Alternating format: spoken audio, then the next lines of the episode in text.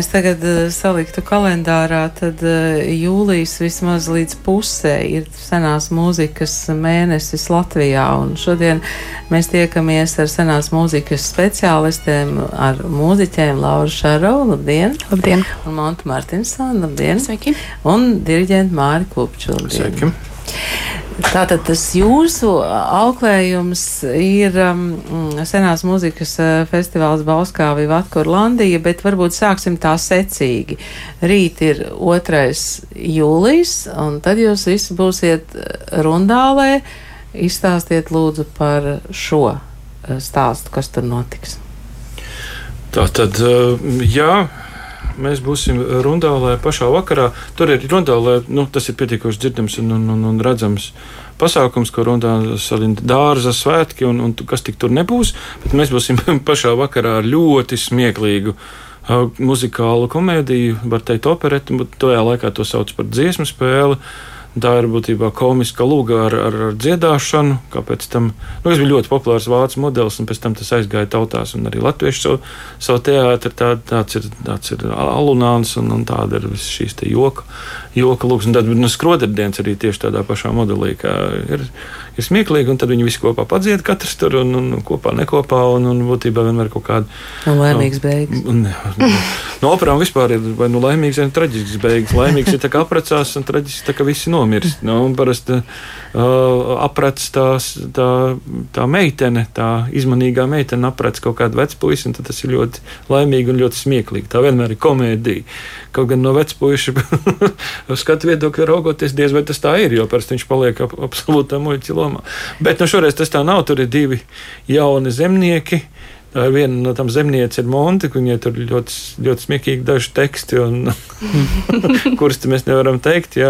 Tiešām cilvēki, cilvēki 24. maijā, kad mēs pirmais rādījām, tiešām visi smējās kā kutināti, un tas, tas tā tam arī ir jābūt.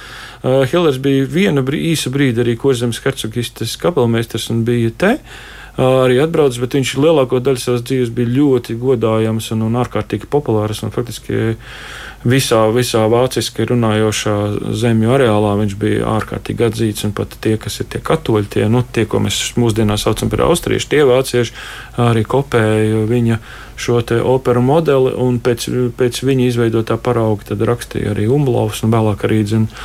Nu, tas, kas Umlaus ir Austrijas mūsdienu, teksim, vācu operas pamatlicējs, ja, un Mocards arī zina pēc tam tieši. Tā kā, tā kā Hillers bija, bija ārkārtīgi varana persona Rīgas teātrī. Viņa darbus izrādīja nepārtraukti. Nu, viņš bija zināms. Un, un mēs arī redzam, kāpēc. Jo tāpēc, ka ir nu, gan ir labi, tas, tas, tas materiāls, materiāls ir, ir, ir smieklīgs, bet tās, tās dziedāšanas tas arī ir ļoti lipīgas. Viņš speciāli veid, veidojas. Es viņu saucu par tādu Raimondu Paulu, jo viss tas ir ļoti lipīgi, viss ir atcerams, viss ziņģē.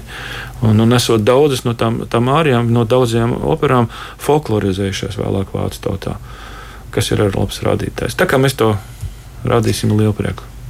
Monte, jūs laikam kultūras andos studijā esat pirmo reizi. Jā. E, kā mēs varētu iepazīties, ko jūs par sevi pateikt?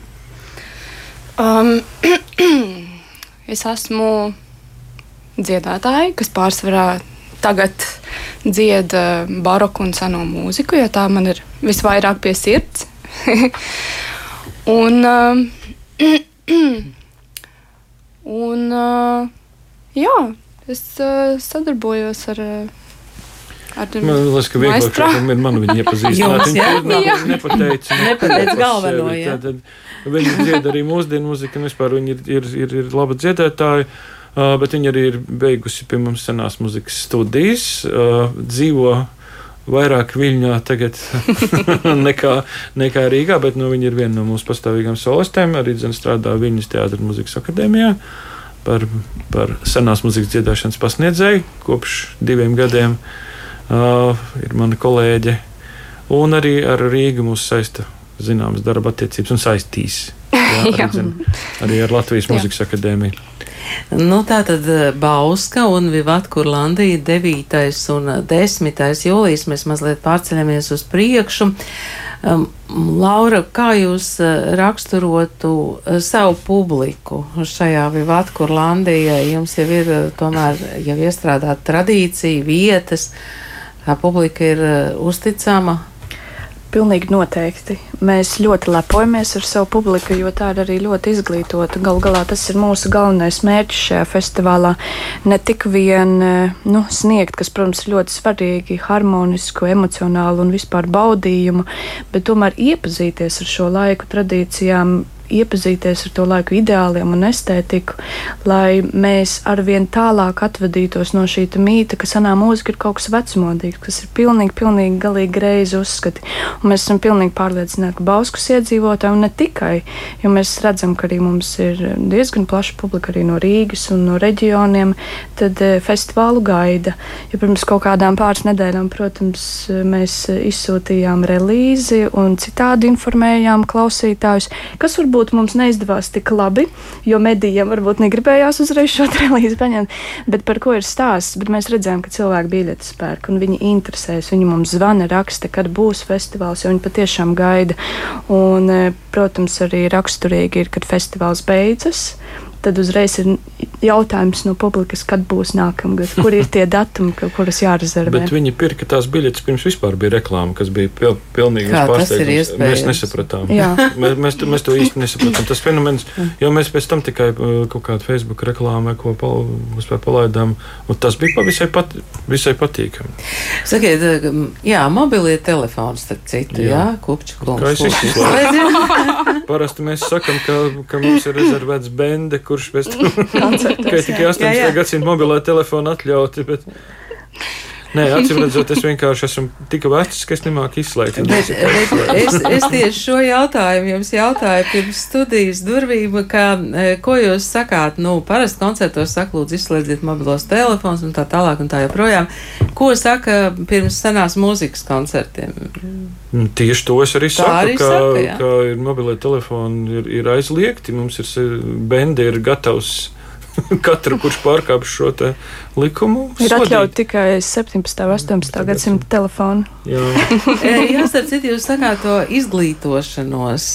Tas nozīmē, ka jūs arī stāstāt, vai, vai, vai, vai klausītāji var iepriekš kaut ko izlasīt, tāpēc ka tā iz, izglītošanās tieši tā arī varētu notikt, vai ne? Jā, protams, var teikt, ka visi mākslinieki koncertu laikos, laikā pieteica savus ko, koncepcijas, un, un mums galu galā ir arī herods kas e, jau vairākus gadus ir aktieris Ivo Martinsons, kurš arī pieteiks pasākumus. Viņam, starp citu, arī būs ļoti, ļoti skaista programma, ko es noteikti iesaku apmeklēt. Dzejas un mūzikas e, koncerts, kur atskaņos tātad viņš, Ivo Martinsons, aktrise Sigita Pļaviņa. Nu jau Pļaviņa, kas pāris gadus, bet bija Jevglievs. jā, jā un, un mūsu spožā, protams, latviešu klavesīnas Gertruda Jomenko, tātad tur skanēs Dante, eh, Petrārka, Šekspīrs un renesanses mūzika. Ļoti skaists koncerts, un tur mēs tad varēsim iepazīties ar šo te, kā savienojas dzēja ar mūziku, jo, kā jūs redzat, mums ir ne tik vien mūzikas, bet mūzikas un mākslas festivāls.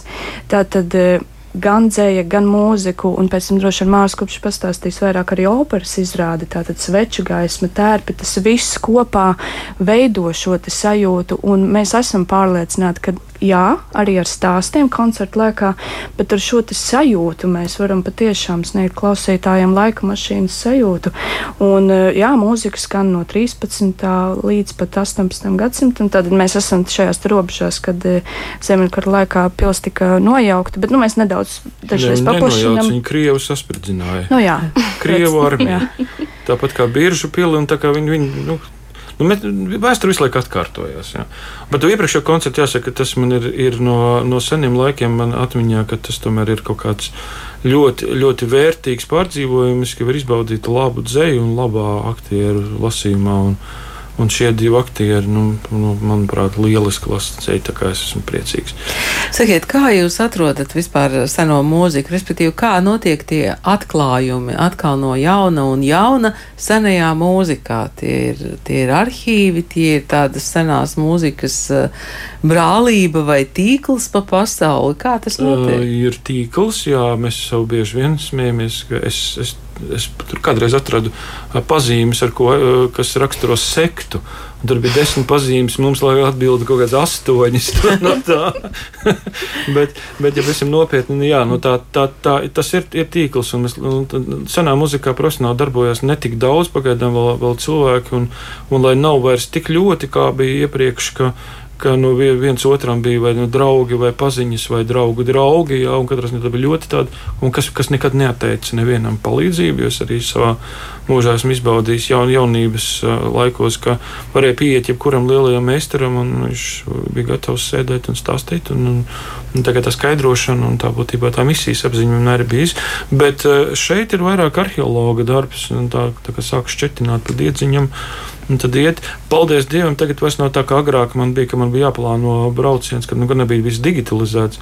Tad, eh, tad es esmu pie vienā braucienā uz Franciju pieteicis, tiksim, lai man vienu Lulī operu, eh, nu, atnes manuskriptu, un nākošajā braucienā pēc kaut kādiem trim mēnešiem uh, tur viņi gājas un kopējas un skatījies. Un tad bija šausmīga birokrātija. Francijā bija nenormāli grūti tikt, Vācijā bija vienkāršāk, tur varēja Berlīnē prūšu tajā kultūras un tajā, nu, tajā bibliotekā, ja tur tajā krājumā tikt klāt visām Rīgas lietām, un vai Upsalā, kas bija daudz vienkāršāk. Un tā tagad viss ir. ir Praktiski ir digitalizēts, un, un, un, un tagad mēs varam faktiski atrast to visu un salikt kopā dažādas partijas, kas ir izkaisītas no vienas skaņdarba pa visu pasauli. Un vispār atrodas vienalga kaut kas no, no kaut kādām dīvainām krātuvēm, parādās pēkšņi kaut kas no, no klosteriem Itālijā, kaut kas pilnīgi neticams un, un, un, un, un nepareizi kataloģizēti darbi. Atrodas, to Fehneru operu atradu Vācijā, kur viņi bija nepareizi iereģistrēti un skaitījās 200 gadus pazudusi. Izrādās, viņi tur pat vispār bija, un viņi jau bija Krievijā nonākusi un, un atpakaļ un visu laiku nepareizi nosaukumu. Tā kā tas ir. Nu, Tas ir interesanti. Kā jūs uh, varat restaurēt to atmosfēru, um, tērpus, uh, instrumentus? Kā var zināt, kādi to, to laik bija? Ir ikonogrāfija, tad, teiksim, ir attēli, ir gleznas, ir, ir apraksti, memoāri, kritikas uh, un ļoti daudz tie saucamie primārie avoti, kas ir, kas ir kā māca, kā vajag. Ir, piemēram, 17. gadsimta opera Uh, ir ļoti skaists viens traktāts, kurš vēl aizvien nav iztulkots no itāļu valodas, Ilka Radžo, kur ir viss, kā, kā, kā, kur pat interesants lietas, ka man bija jaunums, kā viņi risināja problēmu to, kā atskaņojas instrumenti. Orķestra bedrē, kad, kad, kad gat, tomēr padod citu instrumentu, ja, kā, kāds ir, ir kāds skaņotājs. Ja, un, un, un visādas tādas lietas. Un, protams, ir daļa, kuru mēs varam nojaust, ja, un, un ir daļa, kas ir nu, intuitīva. Mēs zinām viņu, viņu ideālus, mēs saprotam, kā viņi domā, mēs varam nojaust. Nu, es pat teiktu, ka ļoti, ļoti tas ir un galu galā katrā arī katrā vietā darīja mazliet savādāk, bet ir kaut kā, nu, tā kā jau visu laiku viduslaikos ir, ir nav vienota standarta, ja, bet ir kopējs virziens, kopējs vektors. Un, To visu var tā ļoti labi izprast. Es domāju, ka gal galā tā ir valoda, kurā mēs runājam brīvi. Ja, un, un jaunpienācēji arī, kad viņi iemācās runāt bez akcentu šajā valodā, viņi vienkārši arī var spēlēties ar šo valodu, var radīt kaut ko jaunu. Tad, Tas ir, nu, tas ir savādāk. Nu, tas tiešām neizskaidrojami, bet tā nav muzeja. Muzeja lieta tikai tā ir dzīva lieta. Tas ir tā kā es piedzimtu, piedzimtu un man no bērnības iemācītu latīņu valodu, un es viņā runātu kā, kā dzimtā, dzimtajā valodā. Es noteikti izdomātu visus, visus vārdus, kādus man vajag. Un, un, Monta, cik gadus vajag, lai iemācītos runāt bez akcenta, lietojot Mārku Upču terminoloģiju? ļoti daudz. Um, mums arī palīdz. Mums ir, uh, piemēram, ja mēs tagad uzvedam itāļu operu, mums ir Mauro, kurš palīdz ar valodu un ar izrunu. Mums tagad ir uh, lielisks mecosoprāns no Itālijas Emma. Kur arī mēģinājumos sēž un saka, nē, nē, nē, nē tur mazliet kur, tas akcents tur ir. Tur ir Florences, viņa no Florences, kurai vistīrākā itāļu valoda, kur, kur tur nu, paši itāļi, tur tie milānieši, tas runā jau tā kā sivēni. Kas, protams, jā, mums, ir. mums tas neuzskatīt tik ļoti. Jā. nu jā, bet ja tā pasaka, tad, tad tā, jūs, tā jūs varat. Mēs jau esam pietuvojušies tātad operā, ja es saprotu, pavisam lēnām. Jā, Laura, kāda būs opera? Jā, sveču gaismā. sveču gaismā. Es domāju, ka tas no mutes mutē jau aiziet opera sveču gaismā. Jā, jā. droši vien konkrētāk. Droši vien jāsāk ar to, ka cilvēkiem ir vienkārši jāmēģina iztēloties to sajūtu, jo tas ir, to pat īsti nevar izstāstīt. To var tikai izbaudīt. Tātad ir Bauskas kultūras centrs. 9. jūlijā pusaustoņos vakarā mēs uzvedīsim Stefano Landīla Mortidu Orfejo, kas izklausās traģiski. Traģiski, jā. Jo ir orfēnā, bet tas ir traģikomiski patiesībā. Jo patiesībā šis stāsts jau ir tā kā otrā daļa tam, kas notiek pēc tam, kad Orfejs ir ērdīgi pazaudējis. Un tad viņam ir lielas sāpes, viņš vairāk sievietes redzēt negrib, vīnu negrib redzēt.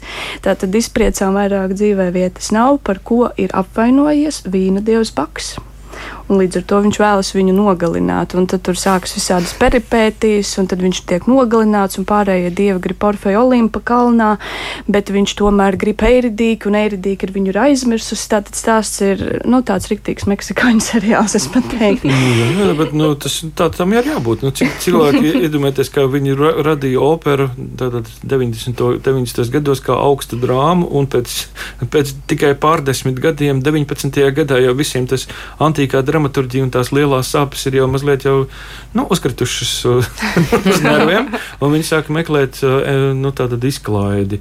Nu, tad padara to komerciāli, opera kļūst komerciāli, un arī Venecijā viņi ļoti ātri atvēra pirmos teātrus. Un šis ir tas brīdis, kad viņi meklē kādu vispār saikni. Kā tas pats stāsts par, par, par lielais stāsts par Orfeju. Tikai viņš tiek, tur parādās kaut kādi tādi papildus personāži, kuri uztur to to ir publikas interesi. Kā, lai tas būtu ne, ne tikai nu, izsmalcināti gardēžiem, jā, bet arī tādiem cilvēkiem, kas ir gatavi pirkt biļetes. Kaut gan vēl tur tajā brīdī par tām biļetēm neiet runa. Sēdziet, sveču gaisma ir pietiekama, lai notis uh, lasītu. Ir vajadzīgs īstenībā tikai pāris minūtes. Jā, jā, jā, ar vienu svecīti pat pieteikti. Tā tad, eh, kad klausītāji ienāk zālē, ir pilnīgi tums, pilnīgi, pilnīgi tums un tikai dažas svecītes. Mm. Es man liekas, vienreiz skaitījums kopā ir kaut kāds 20, varbūt uz eh, proscēnijā priekšā. Ja, tad, sānos tagad ir. Mēs, mēs, mēs arī lēnām meklējamies par to, un īstenībā to laiku viņi diezgan agri jau iz, izgudroja prožektorus sveču.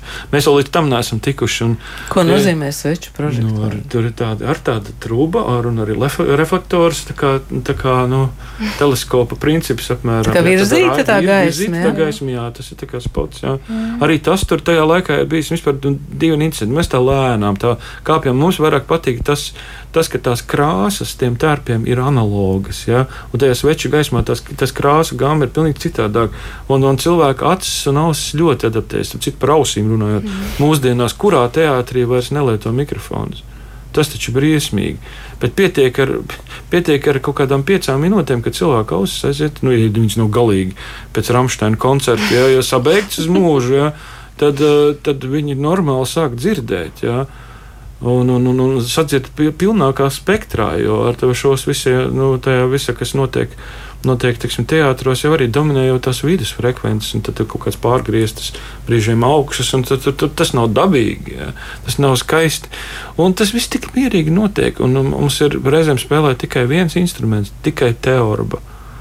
Un ir pilnīgi pietiekami, jo cilvēkiem mācās to sadzird. Tas ir tik skaisti, tas ir tik intīmi. Tad ir vairāk. Jā, Kas tad, ir teorba? Teorba tas ir lauta, lauta veidīgs instruments ar, ar papildus basiem, ka viņš nu, diezgan tā laika viens no populārākajiem instrumentiem. Senās mūzikas instrumenti tie tiek radīti no jauna šobrīd, vai, vai Gan, gan. gan, gan. Jā, nu, mēs, protams, cenšamies uh, izvēlēties, ja runa par stīgu instrumentiem. Nu, es konkrēti kā violnietis, tad es cenšos meklēt vecākus instrumentus. Pašai man ir 17. Uh, gadsimta beigas, 18. gadsimta, un šobrīd man ir man viola 20. gadsimta gan savu. Ka, bet iemesls, kāpēc, jo kokiem ir vajadzīgs laiks, lai viņi tiktu iespēlēti. Un viņiem, protams, ir uh, nu, vienkārši skaistāka skaņa. Bet, jā, protams, arī mūsdienās būvē, bet tur vienkārši tur ir citas naudas summas arī apgrozās. Bet, kas saistās ar pušu instrumentiem, tad gan jaunas būvē. Jā, nu, tur ir visādas tehniskas, problēmas, ka brīnās kopēt tos instrumentus, tāpēc ka tie eh, nu, ar laiku koks saraujās, un tāpēc tās tur var sarēķināt uh, tos visus augstumus. Bet ir cilvēki, kas spēlē oriģinālu instrumentu, jā, bet nu, viņi vienkārši ir nu, viņus, nu, kā, kā kultūrāla vērtība ļoti negribās arī dzen, ikdienā lietot. Ja, tad tas ir kaut kāds īpašs gadījums, un no viņiem precīzi taisa kopijas. Un, un tas diezgan labi. Tad ir ļoti daudz meistaru jau tagad, kas to ļoti no, ārkārtīgi augstā līmenī dara. Un to var izdarīt. Bet, protams, ka no stīga instrumentiem jā, mums arī ir pietiekuši daudz oriģinālu instrumentu, ir labas kopijas. Bet pats galvenais ir tas, ka mēs spēlējam ar tām zarnu stīgām, kas dod arī citu tembru un, un vēsturiskais kamertons, lociņi. Manta, ko tas nozīmē balsī senā mūzika? Um, tā ir uh, pilnīgi savādāka dziedāšanas maniera. Kā ja mēs ņemam klasisko dziedāšanu, operu, um, divas dažādas tehnikas. Uh, sākot ar to pašu vibrāto, kas tiek uzskatīts par, nu, tas ir Trem, ornaments. Tremolo. Tremolo, jā, un tas ir nepatīkami ausī. Un uh, dziedātājs nedrīkst bļaut, jo tas uh, traumē klausītāja jūtīgo ausi. ir ļoti daudz traktātu, kā ir jādzied dziedātājam tieši šī laikmeta mūziku. Um, Bet tad, tur ir tā, tā, tā pati sakne ir savādāka. Jā. Jā, ka mēs visi, gan instrumentāls, gan dziedātāji, mēs visi runājam valodā. Mm. Mēs lietojam pilnīgi tos pašus principus kā valodā, mm. un ir neiedomājami, ka stāv blakus divi uz skatuves, divi dziedātāji, viens uz otru neskatās un kliedz, kā es mīlu tevi. Jā, pārvērstā balsī un tikai kliedz, un, un, un, un pirmkārt, viņi nerunā vairs tajā valodā. Dziedāšana ir visi, visas zilbes ir vienādi garas, un tā mhm. tas viss uh, mūs attālina no valodas izpratnes. Mums nav tā valodas manipulatīvā iespēja, jo, nu, kas retorikā tiek uzsvērts, tas būtībā līdzeklis, kā panākt cilvēka lūk, šo iespēju. Un, un, un tas viss mūsdienu, mūsdienu dzīvojuši vienkārši nav. Tāpēc reizēm ir ļoti, ļoti savādi no šī skatu punkta skatīties, ka, Dievs, ko jūs darat cilvēki? Jūs vispār dzirdat viens otru? Ja, tā ir, tā ir nu, katastrofāla tendence, kas Eiropā sākās pēc Franču revolūcijas, kad, kad pavājinājās nu, izglītotā slāņa. Viss tas, tas sastāvs, ja, un viņa, viņa teksim, daudzskaitlība ļoti samazinājās. Viņa sajaucās kopā ar novarišiem, buržuāziju, un, un izglītības līdz, līmenis līdz ar to arī nokritās, jo nebija vairs tādas prasības, un retorika pazuda lēnām no, no skolu vispārējās tās apmācības. Tā nu, graduāli, bet tomēr sāk pazust. Un cilvēkiem radās visas šīs problēmas muzikā, arī mākslā, ka viņi sāk nemācīt klausīties un nemācīt saprasties. Un to mēs redzam mm. mūsdienu teātrī arī, zin, ka būtībā mēs ejam skatīties teātrī bet nevis klausīties. Mēs jau nedzirdam vairs informāciju. Mēs tāpēc mums visu laiku jāpārsteidz ar visādām kaut kādām. Parādījās vispār režisors kaut kāds, kuram ir jāstāsta stāsts. Jums nebūs. Režisors. Nē, nav. Nu, bet, nu, bet vi, viņa, viņš nav vajadzīgs. To iestudē žestu speciālists, ir baletmeistars kopā ar komponistu vai diriģentu.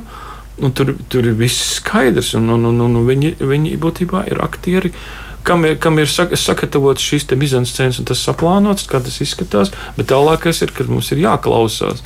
Tā ir pilnīgi cita, cita ideoloģija. Un, Un man ļoti žēl, ka tas pamazām, pamazām viss ir tik totāli pazudis, ka mēs uzskatām arī, ka tīri teātris, ka tāds ir tikai fiziski vingrinājumi, pārsteigumi, atkailināšanās. Nu, viss, kas ir pārsteigums. Jo pilnīgi saprotam, ja mēs nerunājam sakarīgā valodā, mēs nevaram uzturēt cilvēku uzmanību, un mums ir visu laiku jāpārsteidz. Nu, tas ir to visu, par to visu runā Aristoteles. Kvintiljāns un visi citi retorikas. Tad, tad viss jau grieķi, jau viss jau bija to atklājuši. Kur, kur ir problēma, ka jūs kļūstat monotons un neinteresants? Es ceru, ka jūsu um, skatītāji un klausītāji kļūs ar vien izglītotāki un ieinteresētāki. Un, protams, ka tagad var sameklēt Vivat Kurlandija gan visus uh, viesus, kas tur būs, uh, gan, gan koncertus un, protams, um, arī operas veča gaismā. Um, Orfeja nāvi. Paldies šodien par sarunu senās mūzikas speciālistiem Mārim Kupčam, Laurai Šaravai un Montai Martinsonai. Paldies! Paldies. Paldies.